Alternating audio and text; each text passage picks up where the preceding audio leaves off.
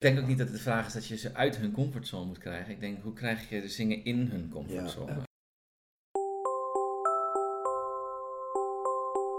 Ja. Dag beste luisteraars en welkom bij een nieuwe podcast van Meester Kasper, de Meester Podcasper. Dit nieuwe seizoen trap ik wederom af met Kasper Draak en Emiel Hal en gaan we in gesprek over mooie en lastige situaties tijdens de muziekles die wij zijn tegengekomen. Daarnaast behandelen we ook een aantal ingezonden vragen van mijn studenten. Heb je ook een vraag voor in de podcast? Stuur me dan vooral een berichtje online. Voor nu, veel luisterplezier.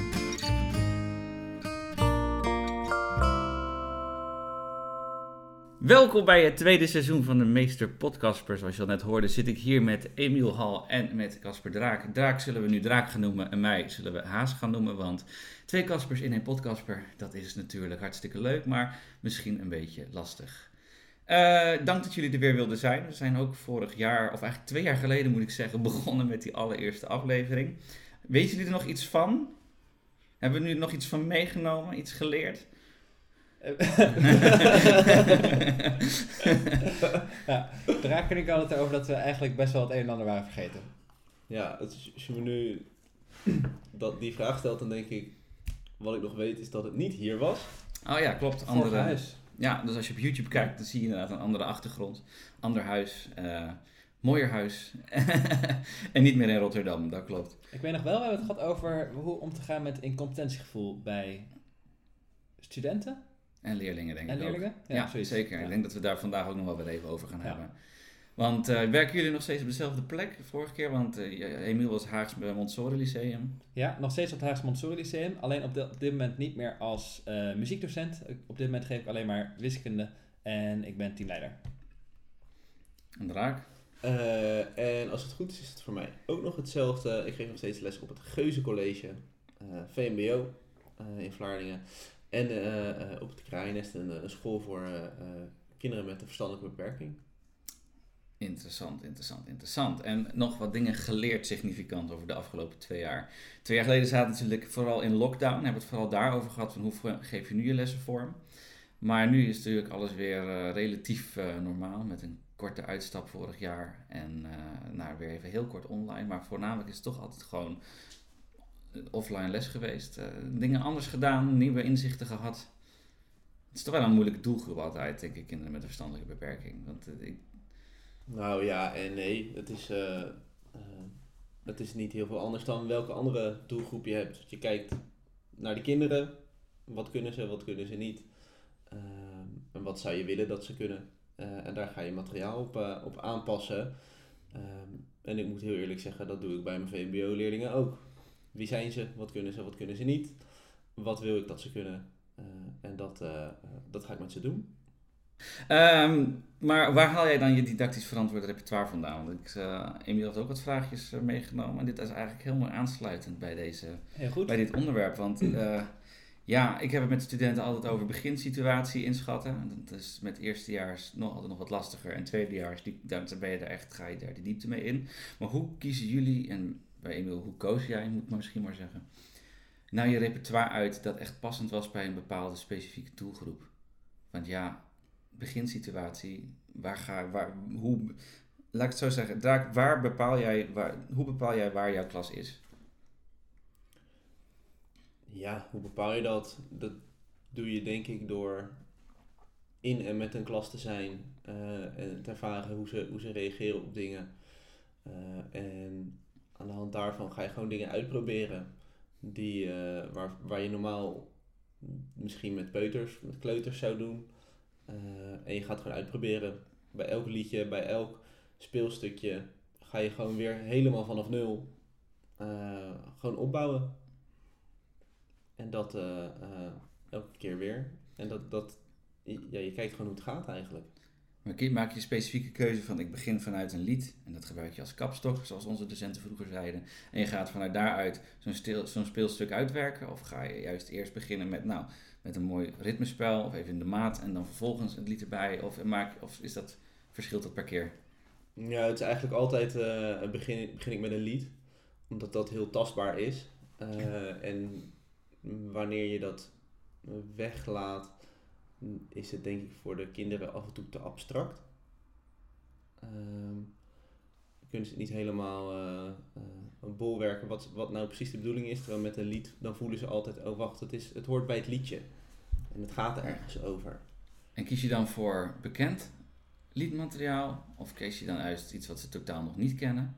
Ehm, meestal onbekend. Meestal onbekend. En ook op het VMBO? Daar juist weer bekend. En waarom maak je daar een andere keuze in? Eh, omdat ze daar al veel bewuster zijn van wat er is. Eh, en naar school gaan ook toch een beetje met het idee school is stom. En dan probeer je ze eerst eigenlijk eventjes met een, eh, met een haakje te grijpen. En als je ze dan hebt, om van daaruit naar onbekend materiaal te gaan. Hmm, ja, want je zou natuurlijk zeggen, jij bent de docent, jij wil ze wat nieuws leren. Dus je pakt juist materiaal wat ze niet kennen. Of, hoe deed jij dat, Emiel? Pakte jij ook altijd een haakje met bekend materiaal? Of dacht je, nee, ik wil jullie vandaag iets leren. Ja, ik geloof wel dat er wel eens eh, eh, sprake was van een haakje inderdaad, eh, zoals eh, Draak beschrijft. Ja, inderdaad. En toch ook wel graag iets nieuws leren, zeker iets dat ze niet kennen, maar toch vaak beginnend vanuit iets, eh, iets bekends toch vaak. En is dat juist iets bekends dat eigenlijk de tand destijds heeft doorstaan? Of is het iets hips van tegenwoordig? Want tegenwoordig, ik eh, had laatst met studenten, ging, wat ging nou viral? Oh ja, dat 1001 Night van Chips, dat is meer uit onze tijd. Ja, zeker. En, ja, en ik, had, ik denk, nou, ik zoek even snel die akkoorden op en we gaan dat dan maar even zingen bij Koorzang. Dat was qua refrein best een succes. De coupletjes kenden we eigenlijk allemaal niet, want ja, dat was niet heel erg het gehoor liggend. En dan denk ik van, ja, ik wil jullie best tegemoet komen met zoiets bekends, maar dan, hoe, hoe- dan, ik ben er wel echt heel erg zoekende van, ja, maar hoe zet ik dat dan op een enigszins nog muzikaal, maar ook didactisch verantwoorde manier in? Ja. Dus eh, je vroeg eh eh nieuwerwets of, eh, of oude klassiek, Ja. eh, cl- classics die mensen kennen. En eh, ik, ik, ik denk dat het eigenlijk niet zo heel veel uitmaakt, denk ik persoonlijk. Hoe denk jij erover, Raak? Ehm, ik denk ook dat dat niet zo heel veel uitmaakt. Ik vind het zelf leuk om met nieuw materiaal te werken. Omdat je dan jezelf ook een soort van dwingt om te vernieuwen. Omdat ik dan weet dat als ik een liedje één of twee jaar heb gedaan, dat ik dan denk van, oh ja, wacht, nou moet ik wel weer even iets anders doen, want dit is gewoon niet cool meer. Ja, ik merk dat ik die inschatting niet meer kan maken. En dat is puur omdat ik voor het vierde jaar nu niet meer lesgeef aan kinderen. Ik mag studenten geen kinderen noemen. Nee, ook al zijn ze soms nog onder de 18. Nee, maar eh, ja, ik, ik merk omdat ik dan niet op het basisonderwijs lesgeef, dat ik niet die, die, die, die, die, die, ja, die de drang niet heb of zo. Maar je bent, ja, hoe zeg je dat? Je herhaalt je eigen materiaal natuurlijk elk jaar omdat je bepaalde doelen daarbij hebt, omdat je dat die studenten wil meegeven. Maar vroeger, als jullie het thuis horen op de achtergrond, de kat die wil volgens mij graag naar buiten. En eh, anders maken we wel even een knipje, maar dan weet je dat. Goed zo, Sultan. Braaf, kom maar hier. Nee, ik had eigenlijk een vraag en die ga ik inleiden met wat ik net zei. En mijn vraag is, hoe bereiden jullie dan je lessen voor? Zelf deed ik wel eens, eh, daagde ik mezelf uit. Dan zat ik in de trein, pakte ik een boek, of eigenwijs, of kleuterwijs, of een andere liedbundel. En dan koos ik daar het lied uit wat ik een half uur later zou gaan aanleren aan een bepaalde doelgroep. En dan ging ik eh, spelletjes verzinnen, of eh, een ritmespel, of iets anders. En dat ging ik met ze doen. En daar kwamen eigenlijk mijn beste lessen uit, die ik nu nog wel eens geef aan studenten. Die je onder tijddruk gemaakt hebt. Ja, maar daardoor doe je iets wat heel natuurlijks bij het lied past. En daardoor gaan de kinderen uiteindelijk er veel harder op aan. En ik gaf ze daar ook een stukje vrijheid in om zelf iets te verzinnen. Hoe doen jullie dat? Hoe bereiden jullie tegenwoordig je lessen voor? Doen jullie ook wel eens zoiets? Of heb je toch een standaard repertoire waar je altijd uit put? Nou, dat verschilt een beetje. Ehm, in het speciaal onderwijs werken we vaak met themaplanningen. Eh, dus ga ik van tevoren echt wel eventjes eh, eh, voor, die, voor een bepaalde periode even liedjes opzoeken die, die bij dat thema passen. En dan ga ik aan de hand daarvan bedenken, hey, wat laat ik waar aan bod komen. Dus dat is echt wel iets meer planmatig dan wat jij net beschrijft. Hm? En in het, eh, in het voortgezet onderwijs doe ik dat eigenlijk ook. Wel heel planmatig. Met alles wat ik, eh, wat ik wil laten voorbij komen in een jaar. En dan eh, staat dat eigenlijk van, van tevoren al wel aardig vast. Maar hoe kijk je dan aan tegen de, de, de- de- Er is een vraag die vaak op online platformen zoals Facebook naar voren komt. Van, oh, hebben jullie nog een liedje bij de lente? Hoe ga je dan daarmee om? Hoe haal je nog je muzikale doelen? Die zijn gesteld, natuurlijk. Met kerndoelen, et cetera. Ja, ik denk dat je als, je als je een lied als kapstok gebruikt, dat je daar bijna altijd wel kan uithalen eh, wat je zelf wil, toch? Mhm.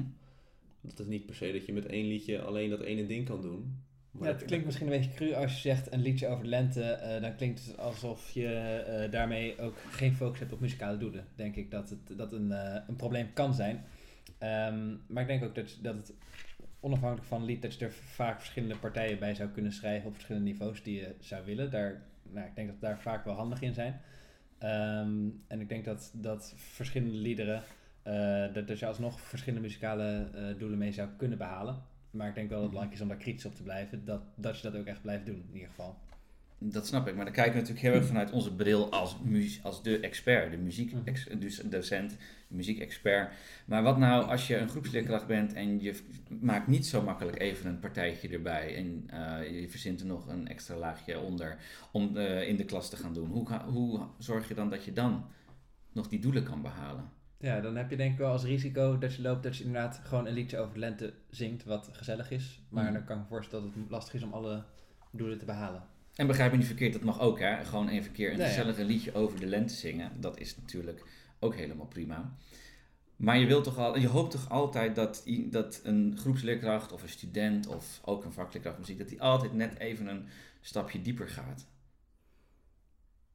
Ja, aan de andere kant, als, als dat is wat het is en er wordt gewerkt aan muziek en eh, eh, eh, kinderen leren te waarderen en het gaat ook nog over de lente, dan gaat er op zich ook niet heel veel mis, denk ik.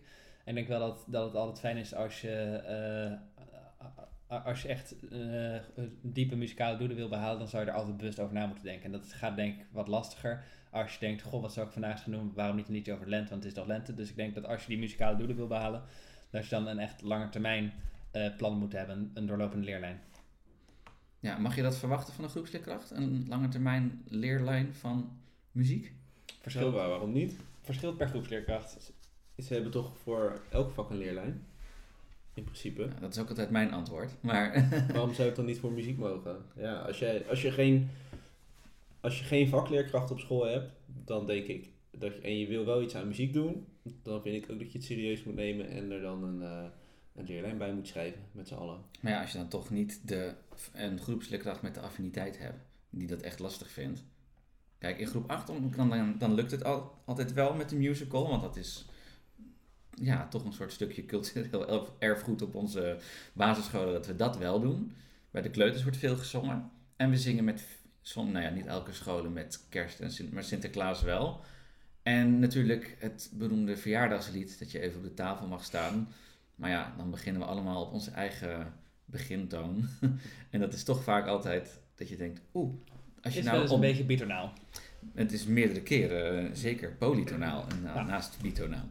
Maar zou, daar niet, is- dat een, zou dat een mooi beginpunt zijn om te zeggen van nou deze momenten, dan gaan we die als aanknopingspunten te pakken en dan, hé, hey, maar als je naar deze momenten waarvan we verwachten dat kinderen wat, muziek, wat met muziek doen, dat we die al wat serieuzer inschieten. Dan kan je namelijk misschien daarna verder naar de lange leerlijn.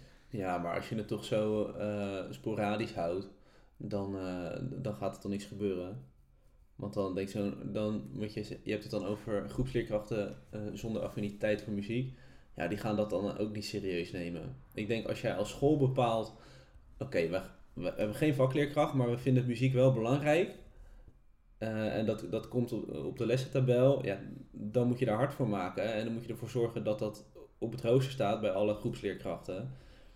En dat er dus ook een, een doorlopende leerlijn is. Hoe kan je dan die kwaliteit waarborgen? Stel, jij bent een school en je zegt, wij vinden het belangrijk, maar er is niet genoeg geld voor een vakleerkracht, dus de groepsleerkrachten moeten dat doen. Wat zou een directeur dan moeten zeggen van, oké, maar zo gaan we wel die kwaliteit waarborgen? Maar ik denk dat het belangrijk is dat als je die kwaliteit echt belangrijk vindt als, eh, als directeur, dan zou je ook moeten faciliteren dat eh, mensen erin geschoold kunnen worden, dat ze tijd krijgen om, eh, om eh, daar samen aan te werken, om bij elkaar op lesbezoek te gaan. En dan zou je het ook moeten faciliteren, want het is natuurlijk sowieso super druk. eh, in het onderwijs, ook in, in het basisonderwijs. En, eh, en als je iets wil, dan kost het ook wat. En dan moet je ook bereid zijn om dat te betalen, ofwel in tijd, ofwel in professionalisering. Zeker, maar ik denk ook, want er wordt gelijk dan vaak aan dat soort dingen gedacht, maar ik denk, er is zoveel materiaal tegenwoordig beschikbaar voor groepsleerkrachten, waarmee je zonder scholing aan de slag kunt. En dat het enige wat je moet doen is even je les voorbereiden, even inloggen op een digitale omgeving. En dan kun je iets met muziek doen. Eh, Mits je maar natuurlijk wel bedenkt dat jij de leerkracht blijft. En dat je niet op play drukt. En dan nu geeft Nee. de portal geeft Nee, natuurlijk. Natuurlijk. Maar ik denk dat er echt, eh, eh, als je dat serieus neemt, dat- je dat zo, zo kan doen. Alleen moet je die afspraak maken dat je dat als school doet en dat iedereen zich daaraan houdt. Maar dan denk ik wel dat wat, wat lastig is daaraan. Er is inderdaad heel erg veel, maar dat is ook juist wel lastig daaraan dat je dus eh, het, risico loopt als je van alles wat neemt, dat je geen doorlopende leerling hebt. En twee, dat er, er is ook rommel. Ja, maar ik vind dat je, er, als je het zo benadert, dat je er ook een beetje van uitgaat dat je groepsleerkracht eigenlijk niet competent is als, als leerkracht. Want waar, hoe, hoe- kan het dat hij dat voor alle andere vakken wel in kan schatten en voor muziek niet? Dat is toch, dat, kijk, moet je toch met je, ja, je blik gewoon als groepsleerkracht naar kijken, gewoon als leraar. Dan kan jij toch materiaal zien, beoordelen eh, hoe dat werkt, lijkt mij. Waarom is dat voor muziek anders maar dan voor geschiedenis of voor rekenen? Ik vind wel dat we tegelijkertijd heel erg veel vragen van eh basisschoolleerkrachten eh, op het gebied van ze moeten overal in gespecialiseerd zijn.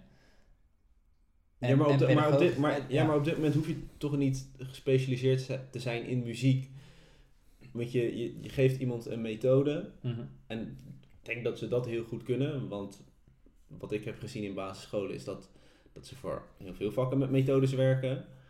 En dan kunnen ze toch in, ook een methode volgen die dan toevallig over muziek gaat. Ja, ik denk dat dat goed is. Ik denk dat het, dat het dan wel fijn is als je mensen een methode geeft, inderdaad. En, Ja. en niet zegt, ehm, zoek maar iets leuks op het internet, want dan is er inderdaad heel veel. Maar het is wel fijn als je dan inderdaad de methode geeft. Ja, precies. Om daarop in te haken. Ik heb eigenlijk een vraag van een student die hier mooi op aansluit. Die, is namelijk, die vraagt namelijk, maar waar kan ik nou het beste beginnen als ik het zelf spannend vind om een muziekles te geven? Of hebben we eigenlijk deze vraag stiekem net al een klein beetje beantwoord? Ik denk over- overal waar je, overal waar je begint, zeg maar dezelfde plek. Als, ik kan me voorstellen dat als student ook spannend is om je eerste aardrijkskundeles te geven. Als je dat nog nooit hebt Nou, gedaan. ik denk dat het toch, dat, dus, er zit hier een, wel een andere factor in. M- met muziek, dat vinden, eh, wat ik zie, studenten toch vaak, als je de affiniteit niet hebt of niet je eigen, dat je eigen beginsituatie wat beperkter is, dat je dat toch spannender vindt. Ja, en er zit de gedachte van een fixed mindset in dat ze het nou eenmaal kunnen of niet kunnen. En dan zijn er mensen die ervan uitgaan dat ze het niet kunnen. Ja, dus wat Ja. zou je nou, dus waar laat je dan zo'n student die dat lastig vindt, waar zou je tegen hem of haar zeggen, daar begin ik. Of beg- begin daar maar eigenlijk. Ik zou zeggen, kijk mee met iemand eh, eh, die de les, eh, die, die zich er wel competent in voelt in ieder geval. Kijk daarmee naar en wat zijn de, de succesrecepten. Ik weet niet hoe jullie dat hebben, maar ik had altijd een les waarvan ik wist, nou als ik die les geef, dan heb ik gewoon succes. En, en dat, dat, dat is relaxed, maar dat was ook gewoon vaak de eerste les die ik gaf met een klas, zeg maar. Want dan wist ik dat ik gewoon maar op, op we, hebben 1-0 het nu begon. al, we hebben het nu over een situatie dat iemand nog die les niet Ja, heeft dus gegeven. van, vandaar zou ik zeggen, kijk mee bij iemand die, eh, die expert is op dat gebied. En eh, eh, of, of die nou zelf muziekdocent is op groepsleerkracht, maar iemand die zich in ieder geval er, er lekker competent bij voelt. En kijken wat is de, de succesles van die persoon die zegt, nou als je dit gaat doen, dan wordt het in ieder geval gezellig, zeg maar. Mhm. En dan heb ik, ik zou beginnen vanuit, vanuit een relaxed gevoel, zeg maar. Maar dat is ook spannend, want dan ga je een les van iemand anders geven, eigenlijk, waarvan die ander altijd er ervaring heeft. Oh, dit is een succes. Maar als jij dan niet die- dat succes behaalt, Ja, dat is waar. dan is die drempel voor de volgende keer weer Ja, zoveel heb hoger. je dubbel gefaald, want niet alleen heb je dan gefaald, je hebt ook nog eens de succesles verklaard. Ja. Ja. De les die niet fout kon Ja, gaan, precies. ging Die heb jij dan fout gedaan, ja. Wat- Dat is zo. Nee, Nou, ja, ik zou, zelf maar uit. ja, nee, ja, ik zou, ik zou toch, toch dan juist ook zo- zo'n methode echt helemaal eh, omarmen. Zeker in het begin, als je nog niet weet hoe je dat op je eigen manier moet doen. Of hoe je iemand anders eh, visie moet, moet kanaliseren op je eigen manier. Dat je toch echt eerst doet wat er ergens gewoon helemaal staat uitgeschreven. Waarbij je het niet eens zelf hoeft voor te zingen, maar dat je, dat je wel op play kan drukken. Maar dan wel zelf de aanwijzingen geven voor de leerlingen. Ja, en klein beginnen. Zeker. Misschien niet gelijk dat lied aanleren, maar eerst maar eens voor naklappen. Begin maar eens Ja, een luisteropdracht. Luisteropdracht. Hoef je geen eens te zingen, je hoeft geen eens zelf iets voor te doen. Maar gericht laten luisteren. Hoe stel ik een goede luistervraag? En dan vervolgens dat meenemen naar een volgende stap. En ik denk dat wat je zegt heel waar is. Ik denk dat visie hier heel erg onder ligt. Wie ben jij als leerkracht? Hoe wil jij voor de klas staan? En waar voel jij je vanuit je eigen ervaring prettig bij? Als je dat niet weet en je moet nog uitvinden hoe jij voor de klas staat, dan is een kan een muziekles echt wel eens een hele grote drempel zijn. Tegen zo'n student zou ik bijna zeggen: geef eerst maar eens een taalles. Heel erg. Ja. Want dan is het inderdaad helemaal vast. Je hebt niet je, je eigen stem, je eigen geluid die je erin bij moet gebruiken. Dan kan je vervolgens eerst leren: oké, zo hou ik een groep beetje onder controle. En vervolgens kan je dat meenemen naar de muziekles. Ja, het is sowieso denk ik vaak lastig dat, eh, dat studenten tegelijkertijd leren om, eh, om iets te doen met groepsmanagement. Terwijl ze nog de didactische eh, zaken aan het leren zijn. Dus dat maakt het zo lastig. Wat zouden jullie eerst doen? Wat- vind je dat je eerst moet leren? Toen wij, wij begonnen ooit, lang geleden, ondertussen alweer 13 jaar geleden, begonnen wij als student. Wij leerden eh, inderdaad een muzikale activiteit. Maar wat vind je dat je een docent eerst moet leren? Eerst moet leren een goede les te geven of eerst leren een groep onder controle te krijgen? Eerlijk gezegd, mijn antwoord op de vraag is ja. maar eh, ik, ik heb wel eens wat lessen gegeven met, met twee mensen. En dan eh, de ene die doet de didactiek en ander doet de pedagogiek. En de ene is een beetje aan het orde houden en de, de ander die, eh, die, die geeft de les eigenlijk. En dat was eigenlijk super relaxed, omdat je niet hoeft te multitasken. Terwijl normaal gesproken als je aan het lesgeven bent, ben je altijd aan het multitasken. Waardoor als je dan focust op de pedagogiek, dan kun je ook echt dat doen. Dan kun je ook echt dat gaan orde houden, zeg maar. Zonder dat je tegelijkertijd wordt afgeleid door je, door je PowerPoint en weet ik veel wat. Ehm, terwijl als je die, die didactiek eh, eh, wil gaan doen, dan is het hartstikke fijn als je dat kan oefenen in een situatie dat de klas een beetje onder controle is, zo gezegd. Dus ik zou, het, ik zou het eigenlijk heel fijn vinden om het eh, op te splitsen. En ik weet niet of het een voor het ander moet. Maar ik denk wel dat, dat we heel veel vragen door die dingen tegelijkertijd aan te leren. Maar hoe zie je dat dan voor je?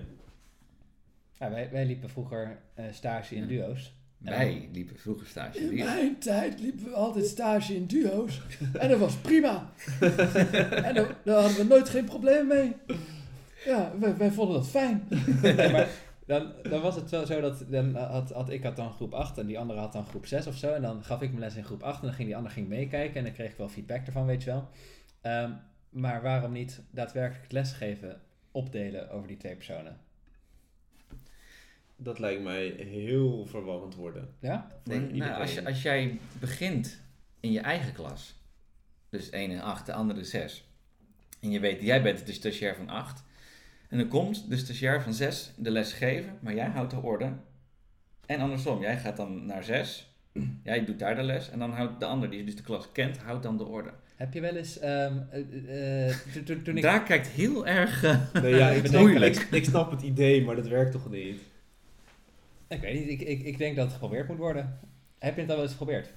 Nou, ik merk, ik merk zelf dat als ik eh, les geef en als er dan een keertje iemand bij zit die dan de behoefte heeft om iets van het gedrag van leerlingen te zeggen, dat ik daar echt niet heel chill mee om kan Maar dat gaan. komt ook omdat je dan, dan komt iemand in jouw les. Ja, Jij bent maar- daar de, Ja, de maar docent dan- en iemand komt in jouw les. Dat is anders, toch? Maar daarom zeg ik dus, degene die de les komt geven, die kent eigenlijk die klas niet. Dus die hoeft alleen maar een- je, het didactisch praatje te doen. Ik moet heel erg denken aan mijn LEO-stage. Dat deed ik in Rotterdam-Zuid op een, eh, op een basisschool. En ik was daar eigenlijk gewoon in dienst.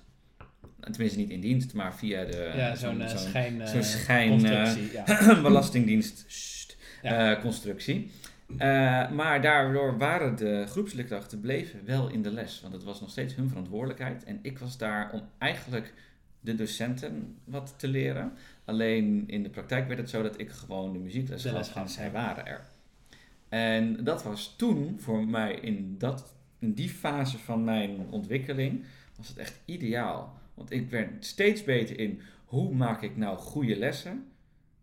En als ik af en toe het even niet meer wist, dan zo'n groepsleerkracht, zo'n ervaren groepsleerkracht, die heeft dan gelijk zoiets van: hey, dit gaan we niet doen, hè? Dit gaan we niet doen, dit gaan we niet doen. En die wilde heel graag dan de, ehm, eh, de, de, de, de pedagogische stukje doen. Maar ik merkte aan het begin van het jaar, aan het eind van het jaar, aan het eind deed ik het zelf. In het begin was dat niet zo. Ik had net, dat was echt het laatste zetje dat ik nodig had om echt te denken van, oh, maar Ja. dit, dit kan ik. En ik voelde me in het begin echt, vond het echt spannend. En aan het eind voelde ik me zo competent. Maar een beetje zoals, eh zoals autorijden. Dat de eerste keer dan, eh, Hmm. dan doet de, de instructeur doet nog de koppeling, weet je. En uiteindelijk moet je duizend dingen tegelijkertijd doen. Maar Ja. eh, je hebt ook de zone van naaste ontwikkeling, waarbij je nog een beetje op gezellige manier iets kan leren. Eh, en ah, ja, ik denk wel dat we mensen overvragen door het allemaal tegelijkertijd te verwachten.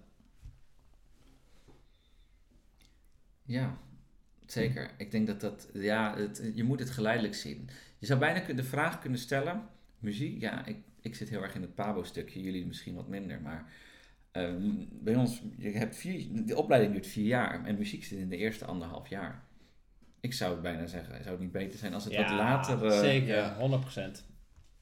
Dan heb je, Nu, niet over nadenken, direct doen. Ja. ja. ja, dat wordt lastig bij ons, maar misschien is het wel iets, eh, in ieder geval om het nog langer te doen. Dat je het Ja. niet alleen de eerste anderhalf jaar doet, want dan leer je eigenlijk lesgeven. Dan heb je meteen die muziekervaring gehad. En op het moment dat je je een beetje competent voor de klas eh, voelt staan, hoef je geen muziek meer te geven. Ja, als maar je je- het wel je gaat-. Je vraagt nu iets van mensen dat, dat sommigen best wel spannend vinden hè, eh, eh, om, om muziek te geven. En op het moment dat ze inderdaad nog heel weinig ervaring hebben met, met groepsmanagement. eh, en het is een vak waarbij je niet de, de standaard structuur hebt van je zit achter je tafel en je werkt aan je, aan je, aan je, aan je werk binnen de methode vaak. Eh, dus ik denk dat het een hele heftige combinatie is. Maar ze moeten, lijkt mij, hun stages na die eerste anderhalf jaar moeten ze toch ook nog steeds muziek in hun stages muziek geven, of niet? Ja, in de, volgens de kerndoelen van Tule SLO, zeker zou dat moeten. Maar ja, praktijk is toch vaak dat, eh, dat muziek toch... eh, een van mijn studenten zei laatst, ja, ja, muziek valt gewoon... We hebben A, B en C vakken. En eh, muziek valt gewoon onder de B-vakken. Dus ja, die laat ik het eerst uitvallen als we niet eh, ons werk gedaan krijgen. Ja. Ja, en dat is wel de realiteit. Ja, en na die eerste anderhalf jaar zullen studenten zullen opdrachten krijgen voor die andere vakken. En bepaalde verslagen moeten schrijven over weet ik veel wat. Nou, Nou, als soort- dat niet meer over ja. muziek is, dan snap ik dat het eerst is dat sneuvelt. Ja. En dan is misschien wel de extrinsieke motivatie in het begin te hoog. En daarna denk je van ja, nu heb ik het gedaan. Ja. Prima. Hallo Poes, kom je ook weer even meedoen? Gezellig. Hey, er was nog een vraag die op een stukje terug eigenlijk eh, kon inhaken. Namelijk, eh, dat is de vraag van een student. Wat is het beste te doen met leerlingen? Is dat een, wat het beste te doen met leerlingen die de les verstoren tijdens muziek? Ja, het is wel heel breed, hè? Want eh, Ja. het ene verstoren is het andere verstoren niet. Laten we eerst verstoren definiëren. Want ik merk vaak dat mijn verstoren al ver over de grens is van een groepsleerkracht. Oh ja. Die had al veel eerder ingegrepen. Wat is voor jou een les verstoren? ja, alles dat afleidt van wat het lesdoel is. Dat is nog steeds heel breed. Ja, eh, Ja, maar het is ook heel veel. Het is zeker en, het is de ene keer is het iemand die zo eh, eh, aan het tikken is. En dat kan bewust of onbewust zijn. En de andere keer het iemand die opstaat en, eh, en door de klas gaat roepen. Ja, dat is, Ja. is allemaal verstoren. Ja, precies. Dus het uitdelen van instrumenten gelijk gaan spelen. Ja, dan is het heel simpel. Dan pakken we dat instrument weer af. Verwachtingen uitspreken aan de voorkant. Lijkt me ook heel belangrijk. Wat zijn de regels tijdens een normale, tijdens eigenlijk in van je klas? Als je die weet, dan kan je, op kan je sommige dingen natuurlijk emuleren of eh, nadoen, zeg maar. Als je een bepaald stopgebaar is of niet. Of je spreekt een eigen muzikaal stopgebaar af. Het zijn allemaal dingen die je aan de voorkant eigenlijk wel geregeld moet hebben. Maar ik denk dat er misschien wordt bedoeld, wat als het echt te ver gaat? Van, moeten, gaan kinderen dan uit de klas of mogen ze dan niet meer meedoen aan de muziekles? Muziekles is vaak voor kinderen toch ook een ander soort les, waarin ze Hmm. veel bewegelijker zijn, wat kunnen doen, net als de gym en zo. En die leerlingen die dat lastig vinden, hebben het vaak ook juist meer nodig. Dus hoe ga je, is dat voor jou een, eh, een, een, een, een, strafmaatregel? Is, een, is dat misschien een groot wordt. Maar een, een kind uit de klas zetten dat hij niet meer mee mag doen met de muziekles, is dat een van de dingen die, die jij zou doen? Uiteindelijk? Het ligt, het ligt een beetje aan de situatie en of je het hebt over het speciaal onderwijs of het voortgezet onderwijs. Speciaal onderwijs doe ik het bijna nooit. Mijn leerling uit de klas verwijderen. Soms wel eventjes. We hebben een aparte ruimte in elk lokaal. Dat ze nog wel mee kunnen luisteren. Uh, maar dat is soms ook gewoon... Uh, ja, niet omdat ze nou per se doelbewust aan het verstoren zijn. Uh, en in het voortgezet onderwijs, ja, dan verwijder ik wel eens een leerling uit de klas. Maar dat is gewoon omdat hij ontoelaatbaar gedrag vertoont. Ja, wat is ontoelaatbaar gedrag? Schelden, aan iemands spullen zitten, uh, voor de zoveelste keer door me heen praten. Ja, precies. Gewoon eigenlijk de, van een beetje de standaard dingen. Ja. Ja, ik, op- ik vond het, ik heb één jaar speciaal onderwijs gedaan. Dat vond ik lastig. Maar daar kreeg je ook vaak dat eh, de leerlingen dat expres gingen doen, zodat ze niet meer mee hoefden te doen aan de muziekles. Dus die gingen expres heel erg moeilijk doen, want dan werden ze eruit gezet. En dan, dan konden ze wat voor zichzelf gaan doen. En dat was eigenlijk altijd voor hun meer een beloning dan dat het een straf was. Dus moet je heel erg uitkijken met hoe je je straffen vormgeeft. Precies. Dus antwoord op de vraag wat het beste doen met leerlingen die de les verstoren. Ja, kijk echt naar het individu zelf. Is het een gemotiveerde leerling die je echt een keer daarmee hebt? Is het iemand die vaak dat doet en kan je op een andere manier iets van, van, van eh, ja, ja, straf is een, ja, wat, eh, ik zoek een ander woord. Een maatregel. Maar misschien is het wel gewoon straf. Eigenlijk is dat straf. Blijf maar binnen met de pauze. Jij kan je niet gedragen. Ja. Ik ben wel eh, fan van, eh, van de volgende straf. Ehm, leerling moet nablijven, maar niet zomaar alleen maar nablijven. Maar leerling krijgt als opdracht om, eh, om, om goed kennis te maken met jou, zo gezegd.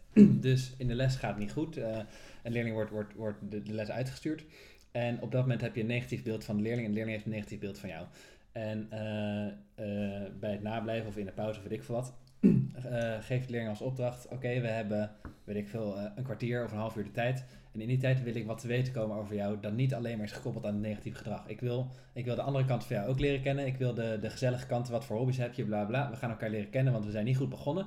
We hebben nu alleen maar een negatieve associatie met elkaar. Nu gaan we kijken of we ook positieve associaties kunnen maken. Dus vertel, wie ben je?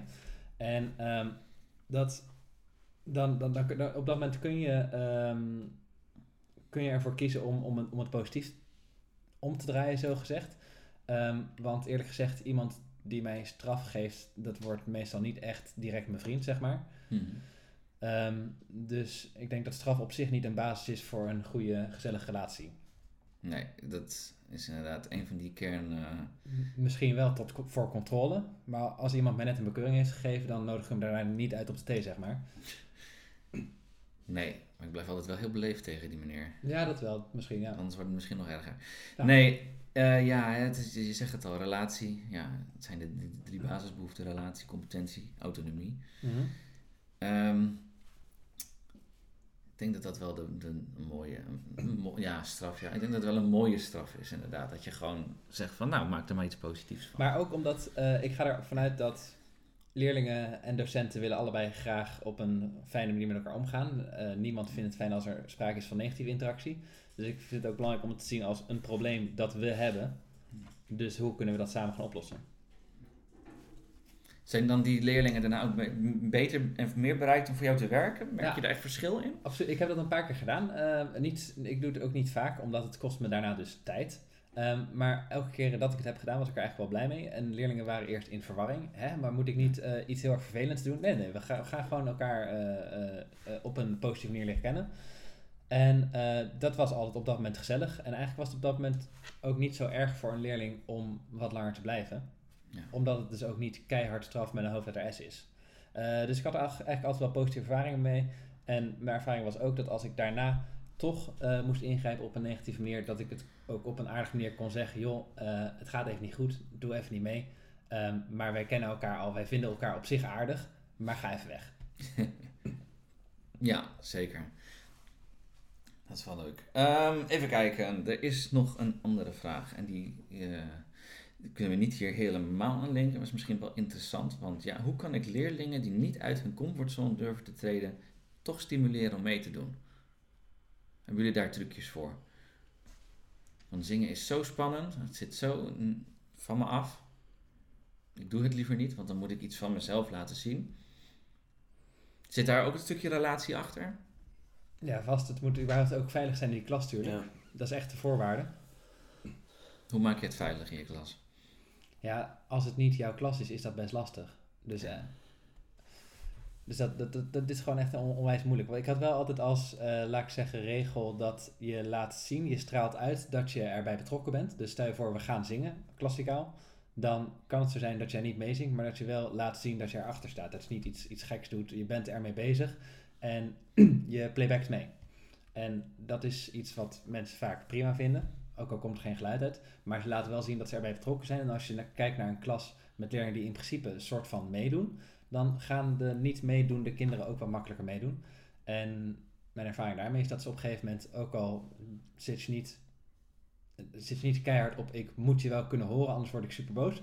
Dan op een gegeven moment ga je ze toch automatisch wel horen, omdat als je eenmaal, dat is zeg maar het, het kleine stapje dat ze kunnen zetten. Het leukste voorbeeld dat ik heb is, ik had ooit, ik, dus ik gaf les in Rotterdam-Zuid. En ik werkte op twee scholen. En die twee scholen zaten 200 meter uit elkaar. En op de ene school was alles, nou, helemaal leuk. En de andere school was alles, zeg maar, niet leuk. Daar, dat, dat, waren twee, het is, dezelfde populatie leerlingen. Maar bij de ene kant was het allemaal ruzie, gedoe. En dingen liepen uit de hand. En eh, eh, de, ook totaal ander zangrepertoire inderdaad dan bij de andere andere school. En toen, een jaar later, is een van die meisjes was naar de andere school toe gegaan. Zeg maar van de school waar het niet zo goed ging, naar de school waar het wel liep. En die dacht, hé, hey, dat is Casper. Die les ga ik eens even weer lekker ouderwets verstoren.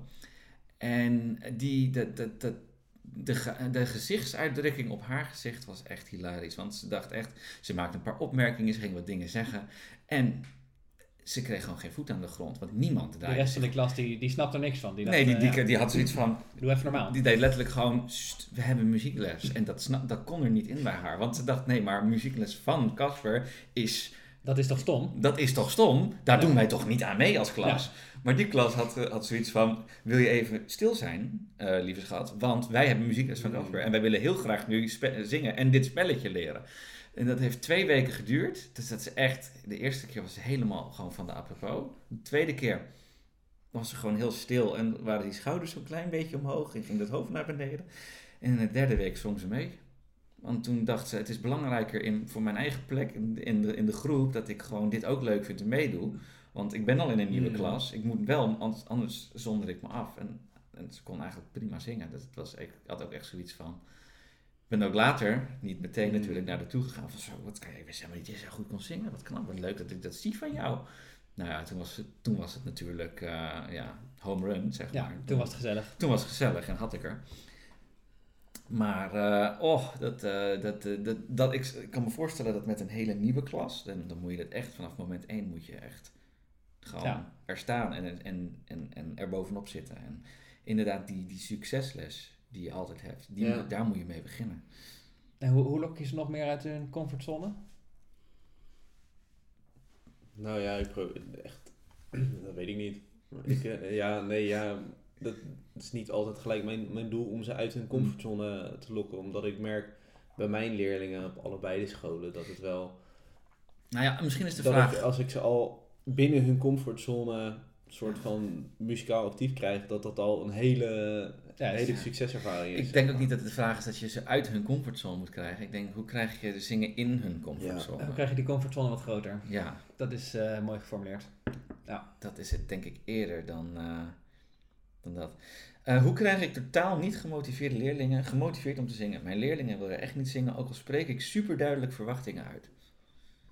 En ik weet toevallig, ik sprak diegene die dit had opgeschreven. Die zei van ja, het was de, dit eh, was de kerstviering, de donderdag voor de kerstvakantie.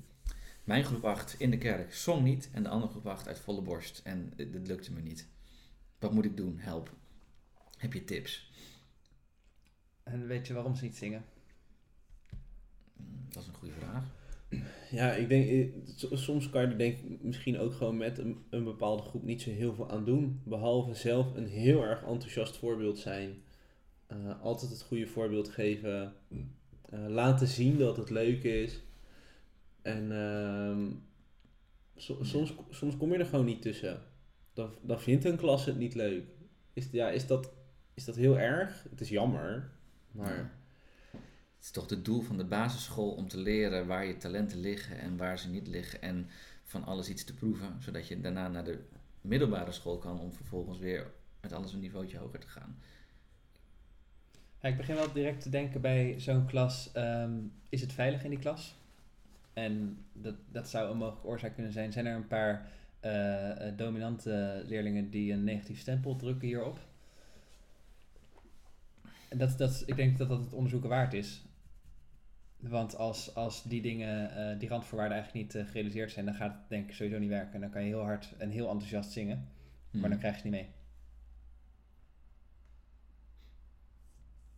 Nee, ja, dat, dat is ook zo hoor. Maar soms is, dat, is dat zo ingebakken Ja. in een klas, zeg maar. Dus dan, eh, en, en dan weet je dat vaak ook wel. Dus dan vind ik nog steeds dat je het aan kunt of moet bieden. Het kan super, super zwaar zijn. En dan is het misschien interessant om te kijken naar oh, wat, wat kunnen ze wel. En kan, kan rap wel. En, eh, en en kan, een- kan een spreekkoor. En kan je dan toch stiekem proberen om dat zingen er via de achterdeur in te goochelen. Ja. Dan kan je strukken. Kan je bodypercussie doen. En dan tegelijkertijd eh, wat gezang tussendoor. Ja, dat was bij mij het altijd. Ik zeg, jongens, ik zei nooit, we gaan, we gaan zingen. Ik zei altijd, jongens, we gaan een spelletje doen. Maar dan moet je eerst het liedje kennen. En dan gaan we nu dat spelletje doen met de bodypercussie. ja dat. Het is gewoon net even, ja, anders benoemen, kwinkslag. En ik geef toe, het is bij een bovenbouwgroep die niet vaak muziek heeft gehad, veel lastiger om te beginnen dan bij een ja, kleuter- of onderbouwgroep. Want daar, die doen het vaak wel. En als je die vier jaar meeneemt, dan zingen ze ook in groep 7 en groep 8 nog wel. Omdat ze gewoon niet beter weten. Ik denk dat dat ook echt eh, kan helpen. Maar ja, dat is, dat is de doorgaande leerlijn. Daar hebben we het net al over gehad. Ja. Die is eh, niet altijd overal aanwezig. Geef nog een paar... Ja? Oh, er zit, een, er zit een kat op het aanrecht. Die ga ik er even afhalen. Ondertussen vraag ik jullie. Is het onderdeel van je werk als muziekdocent dat je leerlingen moet begeleiden bij optreden bij vieringen? Die komt van jou vandaan. Ik ben heel benieuwd naar het verhaal hierachter. Nee. ja, Ha- Haas had, mij had ons gevraagd om even wat vragen eh, te bedenken. Dus eh, eh, ik- ging even keihard divergeren. Ja, ik dacht er hier Heel goed. aan. Ja. Maar bedoel je dan gewoon viering in het algemeen? Moet, die op je, zijn die deel van je takenpakket? Of het is, bedoel je echt specifiek dat je leerlingen moet begeleiden? Nou, ik denk wel eens dat je als muziekdocent ehm, dat, eh, dat er soms werkzaamheden van je worden gevraagd waarvan je twijfelt of ze binnen jouw, eh, jouw beroep passen. Voor mij was het dat ik bij de eh, kerstbingo, eh, dat ik kerstbingo moest voorbereiden. Toen dacht ik, dit is niet mijn specialisme meer. Ehm, maar ja, ik denk wel dat het heel erg, heel erg eh, fijn kan zijn om, om op, op feestdagen zoiets te doen. En om, eh, ik denk dat je heel veel uit kan halen. Maar ik denk dat dat voor, want het- je hebt het nu over de bingo voorbereiden. Dat is gewoon een taak die gebeurt binnen school en die, Ja. die belandt Ja. bij jou in dit Ja. geval. En, maar is het niet zo dat je daar in, in gesprek met je, eh, met je teamleider, dat je daar afspraken over maakt? En zolang dat in overleg is gegaan, ja, dan was je er altijd bij, toch? Nou ja, absoluut. Ik denk dat ook als, als je een- als een specifieke maker, wat Emiel misschien bedoeld is. Ja, kom maar op, nou, kom op. kom op. Nee, ehm, want ik, ik, eh, omdat je muzikant bent, wordt wel eens gevraagd: Oh ja, maar wil jij gewoon even dit liedje begeleiden? Of wil je dat Ja. dan even doen? En dat is toch iets wat je even, zeker als je zo'n lied niet kent, dat je even moet eh, voorbereiden. Of dat je, eh, eh, ja, daar zit toch altijd meer tijd in dan denk ik andere mensen denken. Bedoel je dat soort taken? Of bedoel je echt gewoon inderdaad zo'n schoolbrede taak als, nou ja, Emiel, die is de roostering vandaag. Ja. Ja. Nee, ik, ik, ik kan me voorstellen dat... Het gebeurt eigenlijk automatisch. Hè? Als jij toevallig eh, accountant bent, dan gaan mensen, bevriende mensen gaan ook vragen of jij even hun belastingaangifte wil doen.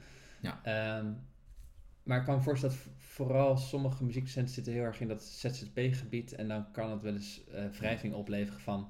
ehm, wat is het deel waar we voor ingehuurd hebben? En oh joh, kan je niet even dit ook doen, want jij kan dat toch? En ik kan me voorstellen dat het wel eens oppassen is. Met name als je ook... Als, als ZZP'er hoor je ook per uur betaald te worden, zeg ja, maar. En het vaak zeggen. zit daar veel meer tijd in. En bij, eh, nou ja, dat zal trouwens, als je een, een, een aanstelling hebt, zal dat ook wel gebeuren. Dat je veel dingen in je eigen tijd doet. Ja, Ik zie ook wel veel groepsleerkrachten echt wel van 7 uur s ochtends tot 5 uur, half 6 eh, zitten ze op zo'n basisschool. Dat is ook langer volgens mij dan eigenlijk de bedoeling is. Ja. Ja, het ligt er een beetje aan wat afspraken zijn, toch? Ja, het zijn van die dingen die, die, zijn- zitten ook in het... gewoon afspraken, toch? En je hebt Ja. een, een x aantal uur wat je moet draaien op een dag. Nou ja, je dat nou op school doet of thuis of... eh, Nou, Ja, dat hoe dat het verschil vorm school geeft. of thuis. Nou, ik denk dat dat voor, voor iedereen die in het onderwijs werkt, het is natuurlijk een branche met relatief veel burn-outs. Ik denk dat mensen hun grenzen goed moeten aan, eh, eh, in de gaten moeten houden. En ik heb wel collega's die een stuk meer werken dan dat ze officieel op papier zouden horen te werken, dus ook meer Ja. dan ze betaald krijgen. Zeker. Ik denk wel dat het onderdeel is van docent zijn dat je daarmee om leert gaan. Want anders dan wordt het gewoon super zwaar. Ja, gewoon pas op jezelf is eigenlijk het eh, belangrijkste. Maar dat is, niet, dat is niet per se voor een muziekdocent. Dat is gewoon Voor iedereen. Ja, voor iedereen. Voor het leven. Zeker. maar het, is, het, zit, het, is, het zit ook eh, eh, eh, voor, voor een deel eh, bij docenten, denk ik, in wat grotere mate. Omdat eh, het zijn van die dingen waarvan je zegt: ja, natuurlijk, ik, ik wil ook dat graag begeleiden. Want het is ook gaaf en ik wil ook dat het gebeurt. En ik Ja. denk wil ook dat het goed gebeurt. Dus het zijn ook mensen die hebben gekozen voor het onderwijs en die het in principe met plezier doen. Precies, hard voor de zaak. Maar dat maakt het ook alweer spannend, zeg maar. Ja, en daardoor ga je vaak over die grens heen. Want je wil toch dat ene stapje zetten voor je leerling. Oh, Ja, die ene heeft dat niet. Nou, dan ga ik toch nog even dit extra dingetje voorbereiden of dit. En ja, dat is... eh, Maar ik ga er inderdaad vanuit dat als je, als je bewust bent en je maakt samen afspraken, dan zal dat wel goed zijn. Ja, nee, ik denk dat dat het belangrijkste is. Mooi. Vind ik een goede afsluiting voor vandaag. Ehm, ik heb wat vragen deze keer dus meegenomen van studenten. Als je denkt, hey, ik wil ook wel eens een keer een vraag stellen hierover, stuur dan vooral een berichtje op Facebook, Instagram of stuur even een mailtje. Mijn mailadres is ook wel te vinden ergens. Moet je die dan niet gewoon In de show notes. Nou, nee, Oh, in de show notes, ja. oh ja, dat was het ja. Info.casperdehaas.nl Dat is natuurlijk gewoon het, eh, het mailadres dat erbij zit. In ieder geval hartstikke bedankt voor het luisteren. Seizoen 2 is begonnen. Het heeft wat langer geduurd dan eh, ik dacht. Zo'n anderhalf jaar. Maar eh, we zijn er weer. Dank jullie wel en tot een volgende keer.